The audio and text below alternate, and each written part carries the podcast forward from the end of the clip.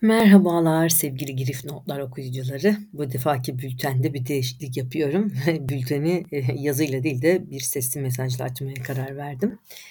E, bültenleri yazmakta kullandığım Substack isimli bu e-posta servisinin böyle bir özelliği eklendi yakın zamanda. E, işte buna böyle minik podcast diyorlar ama yani kısa sesli mesaj olarak da düşünülebilir. Artık bunları bültenlere ekleyebiliyorum.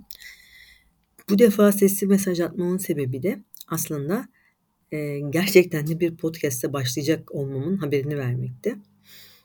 Geçmiş bültenlerin birinde ufak bir çıtlatmıştım aslında. Yani bunları yapmaya başladığımı ama e, tam olarak detay veremediğimi yazmıştım. E, bu podcast artık yayına girdi. Detayları ise e, bültenin içinde bulacaksınız. Her ne kadar sesli mesajlar açsam da devamında tabii ki de yazı olacak. Geleneği bozmuyoruz neden böyle bir podcast yaptım, nasıl bulaştım, ne hakkında hepsi ve tabii ki nereden dinleyebileceğiniz bültenin devamında yazıyor. Umarım seversiniz. Yorumlarınızı da bekliyorum.